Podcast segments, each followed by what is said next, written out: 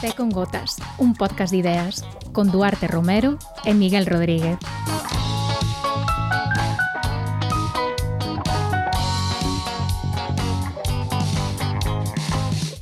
outros días coincidín cun ouvinte moi leal do Te con Gotas e preguntoume que, que íamos facer non para o próximo programa, referíndose a este que estades escoitando. E, bueno, pois pues este venlle contando que íamos falar das cooperativas de crédito, que era un tema que nos parecía moi interesante e tal. E a resposta que me deu foi, carai, parecedes eh, Te con Gotas cooperativas, e como se non falase de outra cousa. E claro, nese momento pensei, ostras, pois é verdade que últimamente falamos moito de, de cooperativas, pero realmente é algo que, que creemos que, que paga a pena, non é así, Miguel? Claro, a ver, non somos neste podcast moi fans da redistribución da riqueza, temos aí moito espírito uh -huh. Robin Hood, e as cooperativas son un xeito de redistribuir a riqueza que se produce como outro calquera, ás veces uh -huh. parece que só se pensa no Estado e nos impostos como vía para, para repartir os cartos, eh, quitarllos os máis ricos e darllos a, a quen menos ten, pero as cooperativas son un xeito tamén de repartir o que se produce dun xeito máis máis democrático e máis igualitario, uh -huh. por tanto, por que non falar de cooperativas? Claro, é que a redistribución da riqueza e a redistribución de poder. Eh, tamén é interesante pensar en outros xeitos de, de crear riqueza que non sexan pois aos modelos de propiedade eh, tradicional e as cooperativas realmente achegan achegan iso, son outro xeito de producir e outros valores. Ademais, isto das cooperativas de crédito ten moito que ver uh, con outros programas que fixemos mm. ao longo desta tempada, porque se hai un elemento en común en moitas das iniciativas cooperativas das que falamos pois no Reino Unido e no Estado Español, eh, é precisamente os problemas que teñen a hora de acceder a financiamento, porque semella uh -huh. pois que a banca tradicional é máis reticente ou é máis escéptica a dar cartos, a dar préstamos a este tipo de de iniciativas que, como calquera outra empresa, necesitan liquidez os comezos para, para arrancar, así que as cooperativas de crédito pois podenlles ser útiles. Uh -huh. Sí, que tal cual, este é un, este é un tema que, mm, bueno, que non ten que non ten fronteiras, non? Como dirían a, as tanxugueiras. E que douche eh, unha rima boa. Eh, é eh, verdad.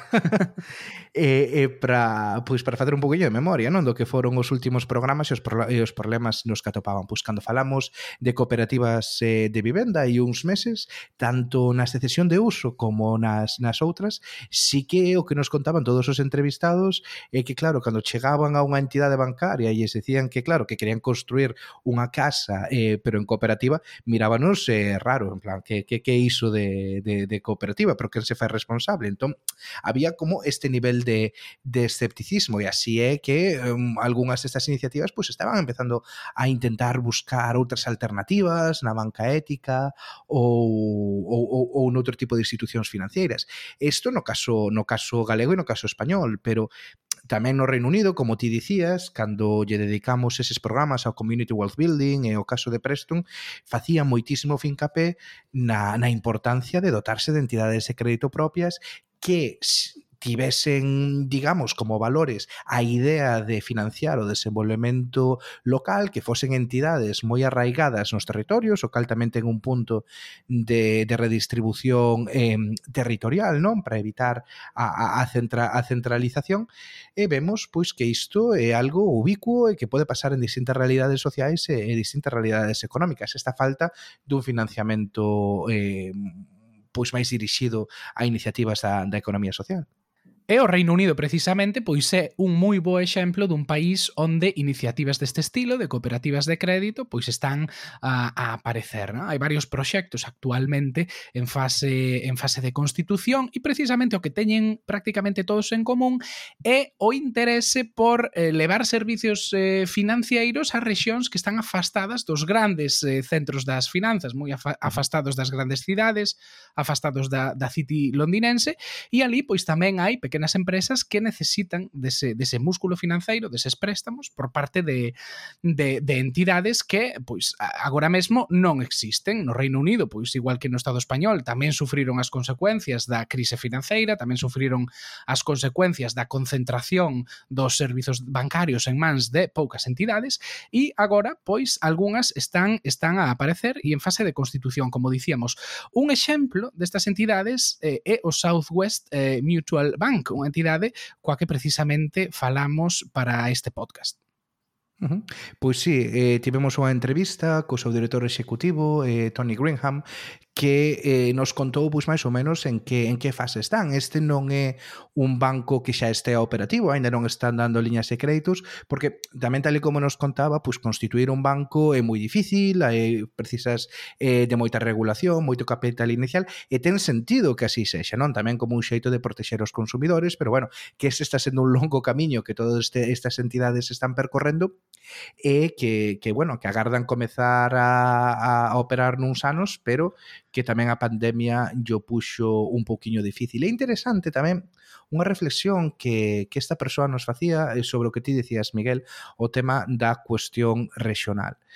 Dicía que Uh, máis alá de iniciativas pois as que xa falamos aquí moitas veces, non? Como do Community Wealth Building, que está en Preston, eh, bueno, en, en outros lados, non? Esta idea de crear riqueza local, que en xeral el, el o que vía é que cada vez era un consenso maior dentro do aspecto político británico que eh, as entidades financeiras teñen unha importancia moi grande no desenvolvemento da economía das local ou da economía regional fora dos grandes centros eh, centros de poder.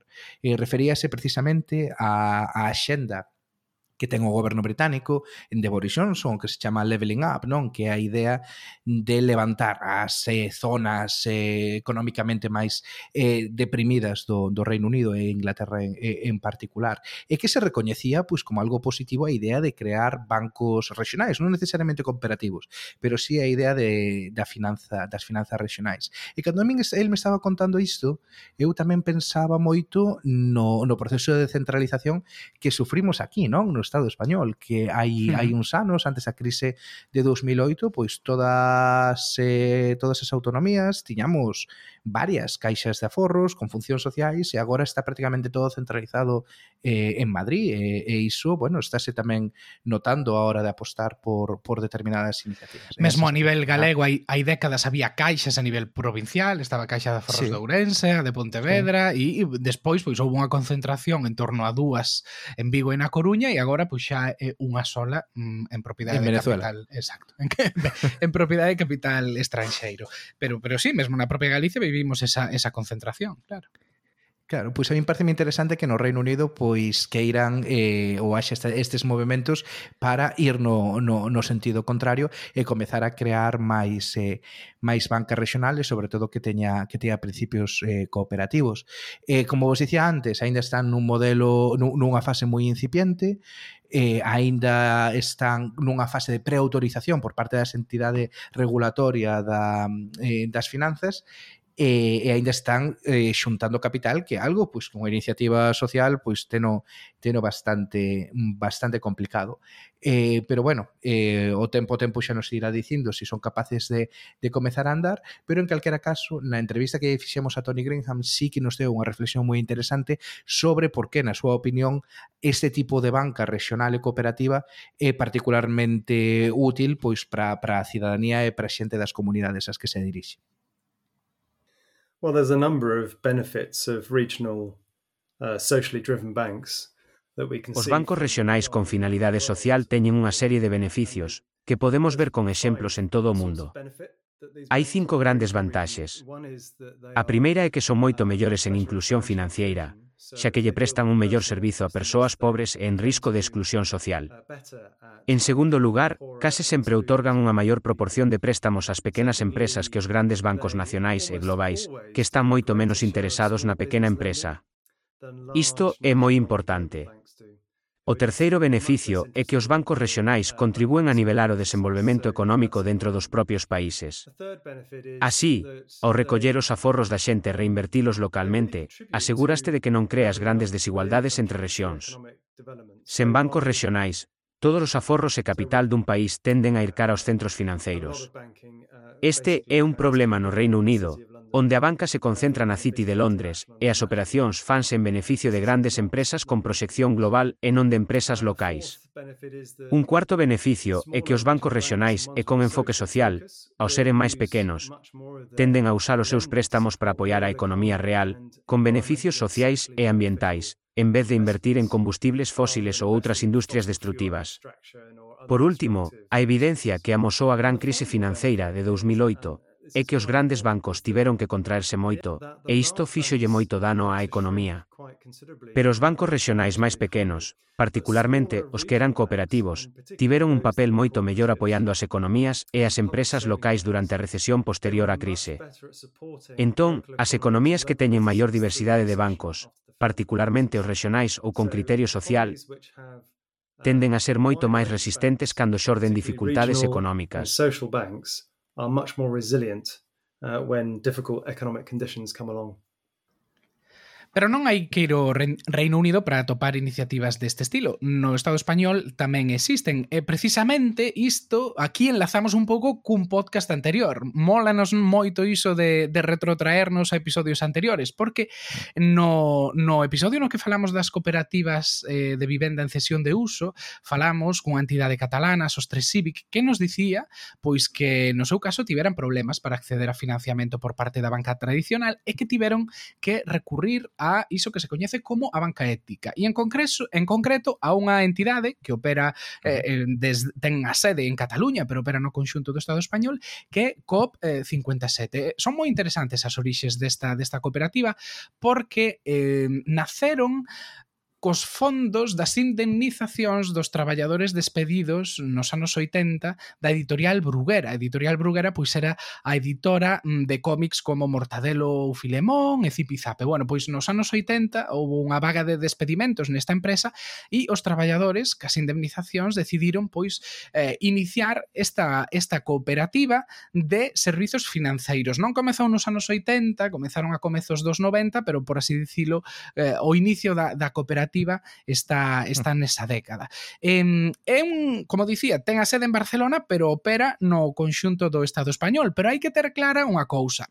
É unha cooperativa de servizos financeiros e iso é importante e o distingue dunha entidade bancaria tradicional, porque sigue un pouco a, as limitacións ou a regulamentación das cooperativas, que é distinta uh -huh. pois do que pode ser un banco uso, como pode ser eh, o caso da banca. Por lo tanto, pois bueno, uh -huh. non funciona como unha banca eh, persoal. Non podemos meter aí os nosos aforros e eh, dispoñer deles, domiciliar as nosas nóminas, facer transferencias como pois faríamos na, na banca na banca de sempre.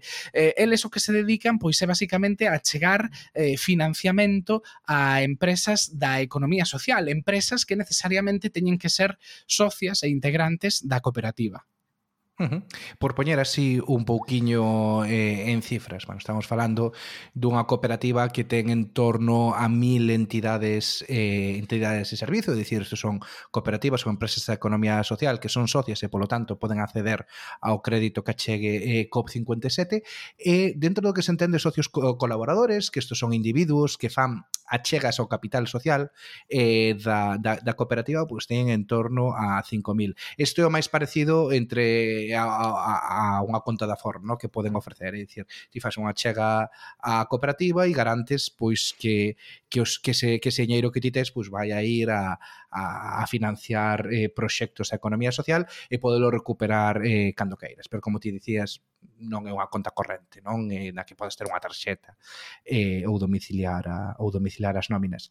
Eh, Despois, se lle miramos un poquinho que o volume, pois os últimos datos o que nos falaban cando cando os entrevistamos, pois era que tiñan eh, no ano 2021 en torno a 23 millóns de euros prestados, que efectivamente non é unha cantidade de grande se a comparamos pois coa banca, co Santander ou co BBVA, pero eh, é un diñeiro co cal intentan eh, facer ou garantir o maior impacto social posible. Isto pois con isto recollo algo que ti comentaches un pouquiño antes, ¿no? que dicías que o que querían financiar era iniciativas de economía social, pero claro, este pode ser así un termo un pouco abstracto, un pouco wishy-washy, non? Como se di en inglés. Así que eh, na entrevista que fixemos a, Xavier Teis, que responsable de comunicación de, de COP57, pois preguntámoslle un pouquiño máis polos criterios eh, concretos que siguen a hora de dar un crédito ou de considerar algo parte da economía social. Y el objetivo de COP57 es sobre todo el poder dar una respuesta financiera a las entidades de economía social y solidaria para que éstas puedan desarrollar su, su, su, su, tarea, su trabajo. ¿no? Eh, entonces, COP57 parte desde la visión crítica de la realidad, es decir, entendemos que el mundo, la economía, la sociedad no funciona como debería, entendemos que el sistema económico actual no responde a las necesidades de la mayoría y queremos ayudar a construir otro tipo de economía, ¿no? en este caso basado en estos principios de la economía social y solidaria, que pues de alguna manera sea una economía donde las personas y el planeta estén en el centro y no el beneficio económico, donde las estructuras productivas sean democráticas eh, y donde haya una distribución, una comercialización justa y por lo tanto que se pueda generar un flujo económico basado en los principios o los valores de la economía social y solidaria. Y para poder dar soporte a esta otra economía, muchas veces hay una necesidad financiera. Entonces, Copción de Siete es esta herramienta que quiere ayudar en esta fase de, del proyecto, ¿no? Un, un, una cooperativa eh, de trabajo que quiere desempeñar su, su, tarea, pues necesita, requiere de financiación para hacer una inversión, pues que Opción de 7 le pueda dar respuesta. Pero detrás destes valores, detrás destas misións máis eh, sociais, deste tipo de entidades financeiras, pois hai moitos prexuizos ás veces. Ás veces a xente pensa que eh, falar de economía social implica falar de investimentos pois eh, arriscados ou se cadra que non hai garantías de que os cartos que se prestan ás empresas pois vayan a ser devoltos, pero non, é dicir, esta, este tipo de entidades tamén se rixen por criterios de sustentabilidade, fan as súas análises e procuran que os cartos recursos que se prestan pois podan ser eh, devoltos no futuro, é certo que non van a buscar o, o máximo lucro e a explotar e a exprimir o máximo das empresas que reciben os seus préstamos, pero sempre pois eh, tratan de buscar que detrás de todos os proxectos que apoian haxa eh, certa viabilidade. Isto é o que nos contou Xavi Teis sobre os controis que levan a cabo en COP57. COP57 como cooperativa solo uh, trabaja con socios y socias, ¿vale? Es decir, el, cliente clásico, entre comillas, no existe en COP57. Siempre son, uh, te vinculas desde la posición de, de, socia, que hay básicamente dos tipologías de socias. Son las socias colaboradoras, que son básicamente personas individuales que aportan ahorro a la cooperativa, dotan de recursos a la cooperativa, eh, que son las que se canalizan a préstamos. ¿Quién recibe los préstamos? Las entidades eh, de la economía social y solidaria, que son las que llamamos socias de servicios. ¿vale? En exclusiva, los préstamos de Copción DSD van a, a, las, a, las, entidades socias de servicios. ¿vale? Entonces, la lógica es, para recibir un préstamo de COP57 debe ser socia de servicios de la cooperativa. Para ser socia de servicios de la cooperativa hay que pasar lo que llamamos el proceso de evaluación social. ¿Vale? ¿Qué significa el proceso de evaluación social? Significa que nosotros, antes de que eh, empecemos a evaluar una operación financiera, lo que queremos ver es la entidad que solicita el préstamo, qué actividad hace y cómo lo hace. Y esa actividad aporta algún tipo de valor añadido con lo que hace, eh, tiene una visión transformadora de la sociedad y de la economía, eh, es coincidente con los principios de, de COP57 de eh, dimensión colectiva, arraigo territorial, democracia económica, perspectiva feminista, em, eh, intercooperación, etcétera, ¿no? Todos esos principios que tenemos como COP57, la entidad es coherente con todos ellos. Entonces ahí lo que hacemos es mirar socialmente la entidad. Si la entidad es un proyecto, una empresa que está acorde con estos principios de la economía social y solidaria y entra a formar parte como socia de servicios de la cooperativa, entonces es cuando puede optar a la financiación. Y ahí hay un segundo análisis, que es el análisis técnico-financiero. Y ahí lo que se mira es la viabilidad de la, de la operación. Es decir, lo que decíamos, eh, un ejemplo de una cooperativa de trabajo que necesita una inversión en maquinaria para desarrollar, desarrollar su actividad. Ahí ya lo que vamos a hacer es eh, ver la viabilidad económica de esta inversión, la capacidad de retorno que tiene, su, su, ¿no? Su, sus, sus, cuentas, y ahí ya se hace el análisis propiamente eh, técnico.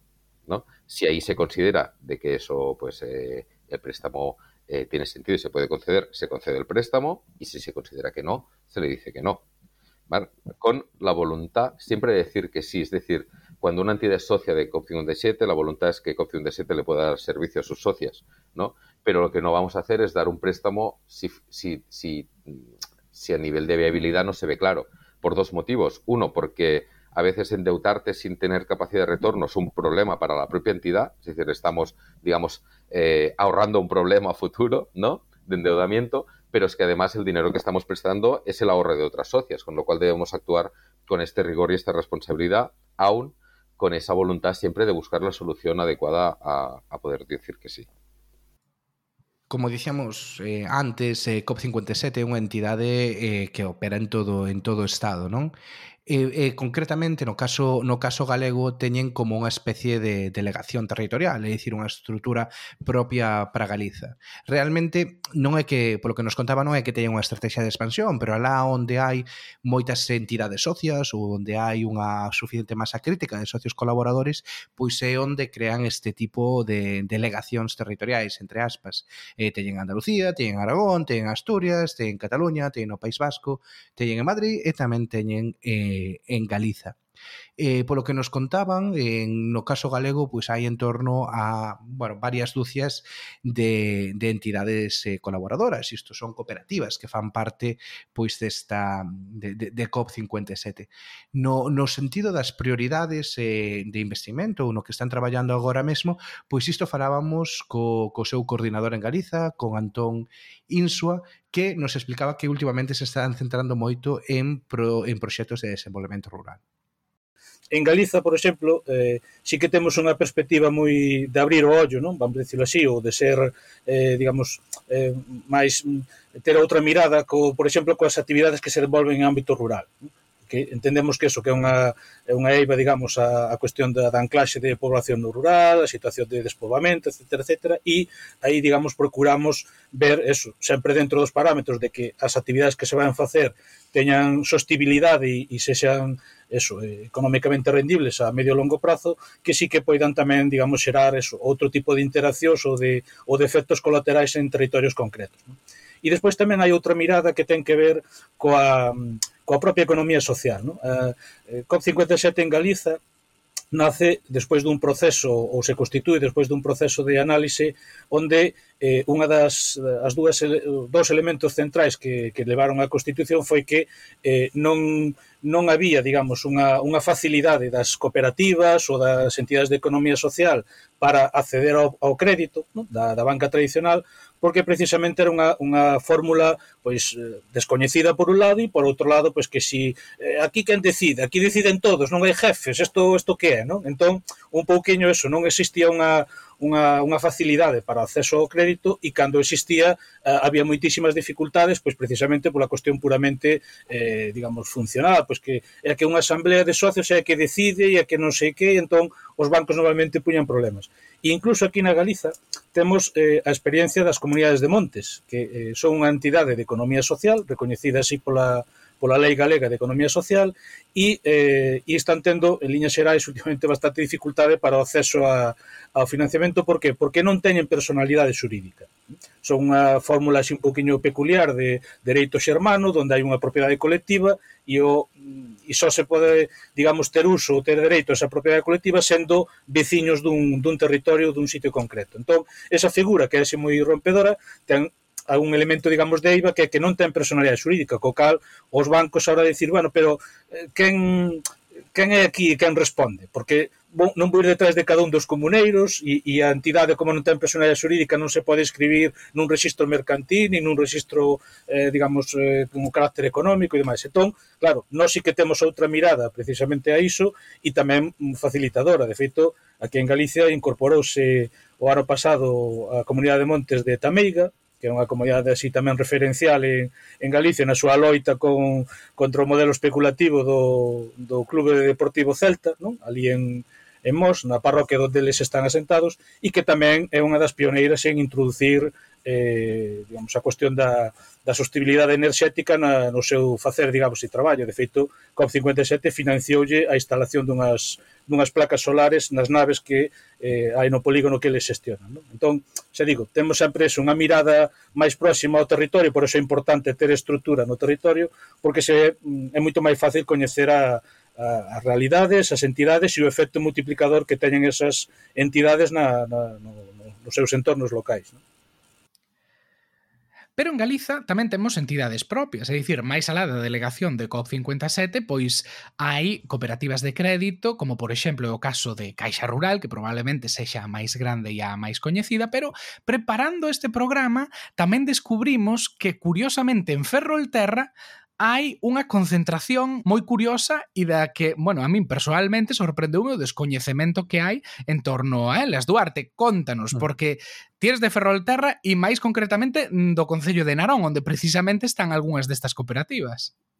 Eh, pois sí, así é, precisamente eh, un pouquiño máis tarde imos meter algúns cortes eh, da, da directora xeral, o directora xerente, perdón, da cooperativa do Val. O Val é unha parroquia rural de, de Narón que leva operando pois desde, desde os anos 70, pero sí que é verdade é algo no que tampouco nunca reparara moito, pero sí que é certo que nesta zona eh, hai moitas cooperativas, moitas delas agrícolas, pero que teñen uh, seccións de crédito. Estou pensando, pois, por exemplo, na, na Doval, que acabo de mencionar, que eso está en Narón, pero tamén pois en, en Valdoviño, que é o Concello do Lado, eh, está de Vilaboa, está de Lago, está de Meirás, que son todos sociedades cooperativas que levan operando moito tempo e que teñen seccións de crédito. Unha, unha destas cousas das cales sí que che sona no? a existencia ou, ou, ou escoitaches algunha vez falar destas seccións de crédito, pero non é o que máis o que máis coñeces, pois por exemplo, o caso da cooperativa do Val, que aquí está en Narón, eu o que o que máis familiarizado estaba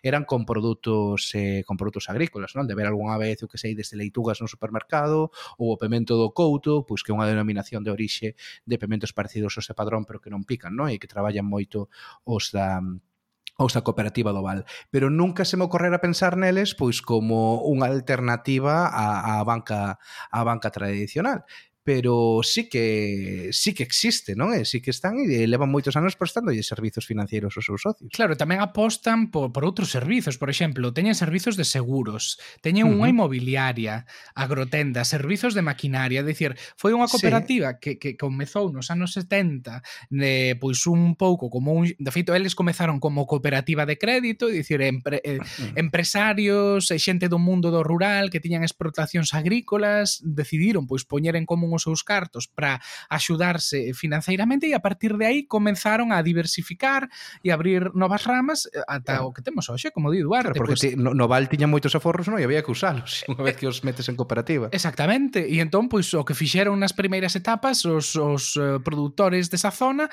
foi coller eses aforros e investir, por exemplo, en maquinaria, nun tractor que despois usaban mm. todas as explotacións, en lugar de cada un ter que endebedarse atas cellas para ter cada un o seu tractor, pois compraron de xeito cooperativo un tractor. E despois avanzaron e comezaron a mellorar a comercialización dos produtos que, que eles producían. En lugar de ter que vendelos a outras grandes distribuidoras, pois pensemos mm. agora en Carrefour, Gadis, lóxicamente, marcas que naquela, naquela altura non existían, non? Pero en lugar de vendelos dese xeito, pois decidiron vendelos eles directamente e ir, pois, por así dicilo, collendo mmm, máis eslabóns da, da cadea de, de valor para eles ata, mm. ata iso, ata os, os servizos que teñen agora como inmobiliario.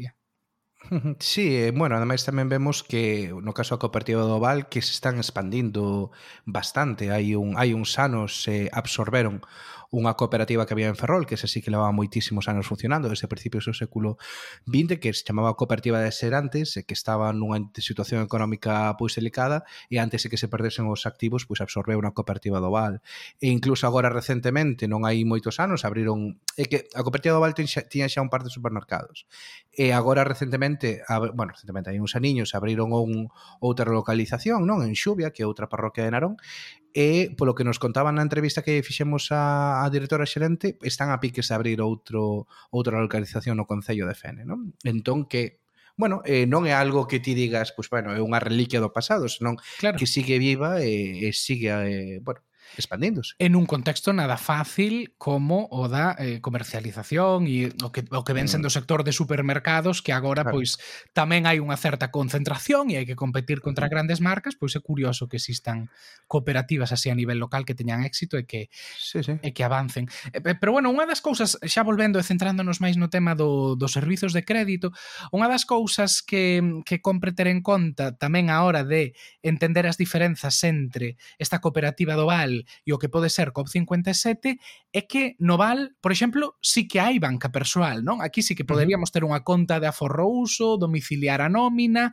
e xa desde un punto de vista do consumidor ten algúns detalles moi importantes como que non cobran comisións, non? Sí, isto foi o que nos contou Mar Marta Vázquez Opico, a directora xerente da cooperativa do Val. Temos a mesma operativa cun banco, exactamente a mesma, pero que nos diferenciamos é que nós eh, na sección de crédito únicamente podemos traballar cos nosos socios. Somente podemos darlle servicio, poden abrir conta as persoas que previamente se pagan socias nosas. Eh, outra das características é que unha vez que dita persoa eh, se fai socia, ten garantida sempre unha conta eh, con nós. Pode despois pola súa conta abrir máis, pero digamos que o agasallo que se lle fai por ser socio é abrir unha conta cal é a característica das nosas contas? Nosas contas son sempre 100% gratuitas. Cando digo sempre, é sempre. Non hai ningún tipo de comisión, nin de mantemento, nin de descoberto, nin por operativa. Esa é unha das cousas que nos diferencia das entidades bancarias clásicas. Outra das características ou das diferencias é que ditas contas son remuneradas, é dicir, nos eh, pagamos intereses aos nosos socios dependendo do saldo que teñen en conta. Evidentemente, eh, vai por tramos, canto máis saldo, máis remuneración, pero sí, sempre hai unha remuneración. E despois, eh, no resto, eh, por exemplo, temos os, exactamente os mesmos servizos con a entidade bancaria, exactamente os mesmos, eh, me explico, pois, eh, operativa e bancaria, tipo domiciliar os teus recibos, eh, traballamos, eh, traballamos facendo pago dos teus recibos, tipo de solicitar transferencias, ti tes eh, a túa actividade de, de crédito, que, eh, vou te explicar despois, pero a diferencia de todo isto é que todo este servicio que te vamos a ofrecer é tamén gratuito, simplemente polo feito de ser socio. Pero tamén hai que pensar que unha cooperativa como a do Val ten moito, moito é moi arraigada, digamos, na comunidade, na parroquia da que, da que eles son, non? do Val en, en, en Narón. Dicíanos na entrevista que prácticamente todos os veciños da zona son socios da, da cooperativa, o cal tamén leva a que a relación entre os usuarios e a cooperativa vai a ser eh, distinta, vai a haber un nivel de confianza distinto. E iso tamén se reflexa no, na, no nivel de atención que teñen desa sección de crédito. Unha cousa da cal eh, Marta Vázquez sacaba moito peito era do tipo de atención que se lle presta eh, aos, seus, aos seus clientes, sobre todo a xente maior, que teñen a posibilidade de ir á oficina, teñen a posibilidade de falar por teléfono, é unha atención moito máis eh, personalizada e que non falar como unha máquina, non? Incluso os produtos que che ofrecen van, bueno, van, van nos planificar falando co, dependendo das necesidades que, que, que, teña, que teña cada un. E isto é particularmente importante nun contexto no que estamos vendo que, sobre todo para moita xente maior, está sendo difícil interactuar coas entidades bancarias. Xa sexa porque teñen un horario moi pequeno pois para facer determinado tipo de operacións ou porque están pechando sucursais pois nas zonas rurais eh, en Galiza. Sucursais e tamén caixeiros, hai esta esta liña de subvencións da da Xunta que se abriu agora para que a banca e demais entidades non pechen caixeiros no no rural. Claro, é que aí tamén é, é a importancia non de que as entidades teñan vocación de, de servizo e non só vocación de, de gañar grandes beneficios. Pero bueno, o caso, eh, para falar un pouquiño deste nivel de atención eh, ao público, eh, temos a Marta Vázquez do Pico, que isto foi o que nos contou. E ademais o que lles gusta moito, que tamén lo comentei antes, é o tema do trato personal. Eh, pero te sorprendes porque evidentemente a xente maior é imprescindible, é imprescindible. O tema este que estuvo tan de moda fai nada coa plataforma eh, que sacou este señor, e ten toda razón, evidentemente. Eu eh, moitas veces decía, carai, que eh, non o facemos, desde sempre e o seguimos facendo. Entón, e teñen toda a razón, os sea, que atendelos, pero eh, o máis sorprendente é que non solamente é xente maior. Eh, eu teño 40 anos, e eh, a xente eh, da miña eh, generación, cando veñen, amigos e tal, veñen porque din, é que me atendes, é que me atende fulano, é que se teño unha dúbida le pregunto a fulano, non teño unha maquinita, non teño un horario de que estou traballando, claro, non podo sair, por, por exemplo, non? Entón, saben que sempre teñen as súas dúbidas resoltas, saben que sempre teñen a quen dirixirse, ven a acabar esa persoa, coñecen a esa persoa, etcétera. Entonces, eso mantémolo sempre.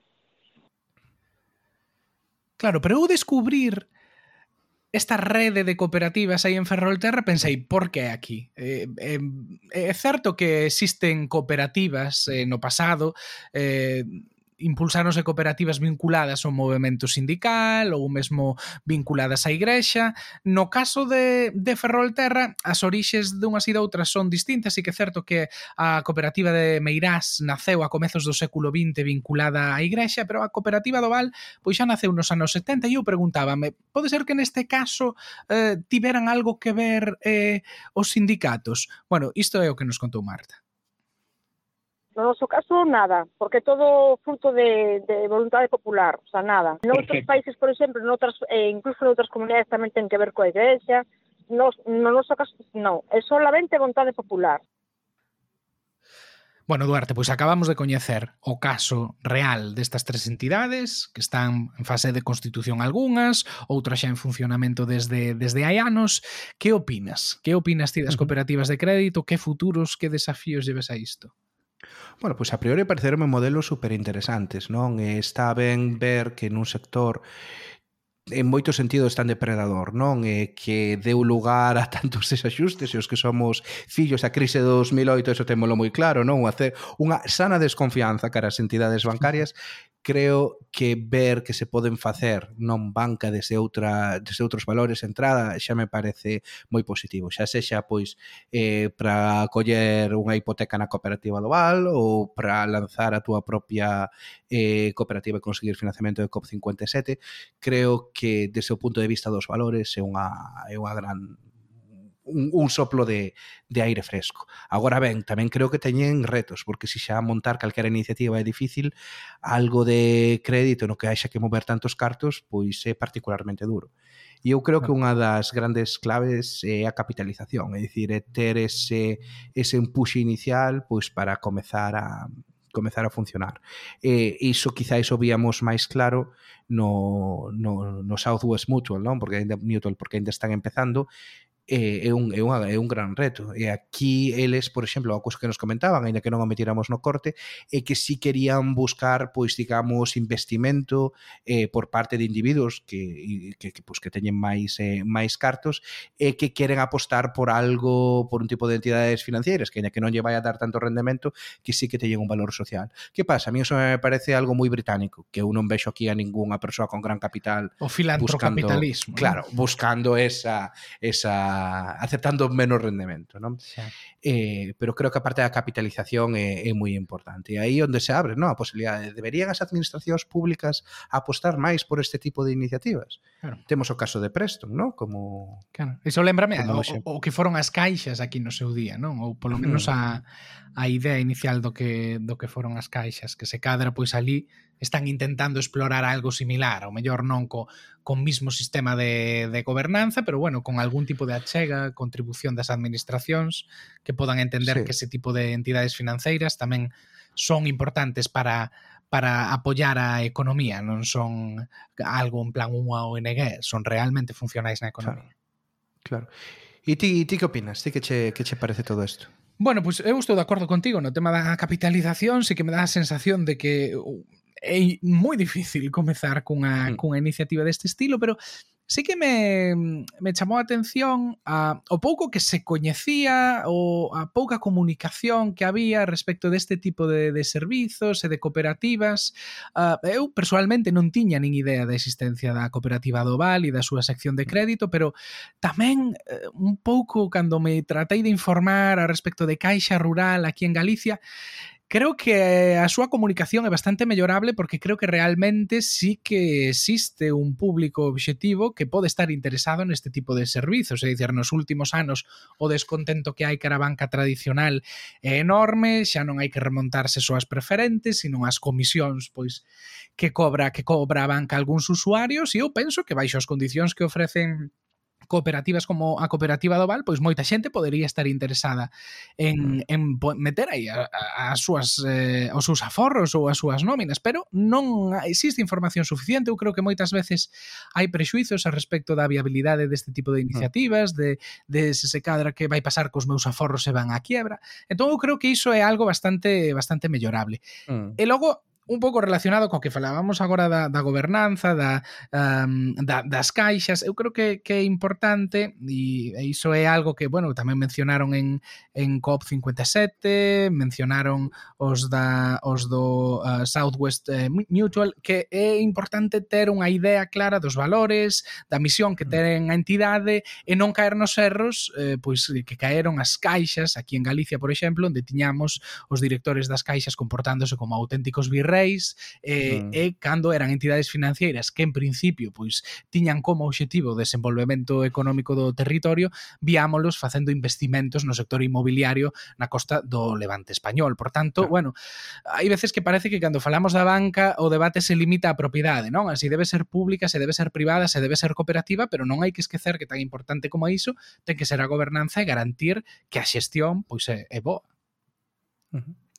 Bueno, pois eh, ata aquí o programa de hoxe, xa nos eh, faredes chegar os vosos comentarios eh, a ver que, que vos pareceu. E bueno, tamén agora ao final queremos pedir disculpas porque este programa, entre a distancia entre este programa anterior é máis longa do, do habitual, é algo que non nos gusta. Foi un pouco un cúmulo de despropósitos, e é certo, non nos gusta sí. porque sempre andivemos predicando con iso de eh, que é importante ser puntuais e non andar desaparecendo durante dous meses e despois a constancia constancia. Exacto, tal. a constancia para mm. fidelizar a audiencia. Bueno, pois pues aquí estamos nos caendo na, na nosa propia pedra, pero bueno, foi un cúmulo un pouco de despropósitos, tivemos moitos líos de traballo, eh, afrontamos unhas gripes bastante serias, no meu caso non foi COVID, pero non sei se foi gripe A ou que foi, pero estiven tamén bastante mm. prexudicado semana e pico. Bueno, en fin, que non queríamos sair por sair, queríamos agardar e ter un programa decente e interesante como creo que, mm. que foi este, eh, pero nada, de agora en diante compromet temonos a retomar a puntualidade e os dous seguintes programas xa estamos traballando neles, Exacto. así que e non, e non van ir de cooperativas, non, para no. para tamén variar un pouquiño. Pero nada, como sempre, pois podedes nos escoitar eh, bueno, eh, podedes suscribirvos en calquera plataforma na que escoitedes os podcasts temos un newsletter que sae cando saen os podcasts e, eh, e nada, podedes nos seguir tamén en redes sociais Instagram, Twitter, algo tamén en Facebook. Eh, nada, simplemente como recordatorio a música da intro eh, de Ruán e a voz tamén da intro eh, de Noemí Alonso. Escoitámonos a semana que ven co contido extra para o te eh, sen cotas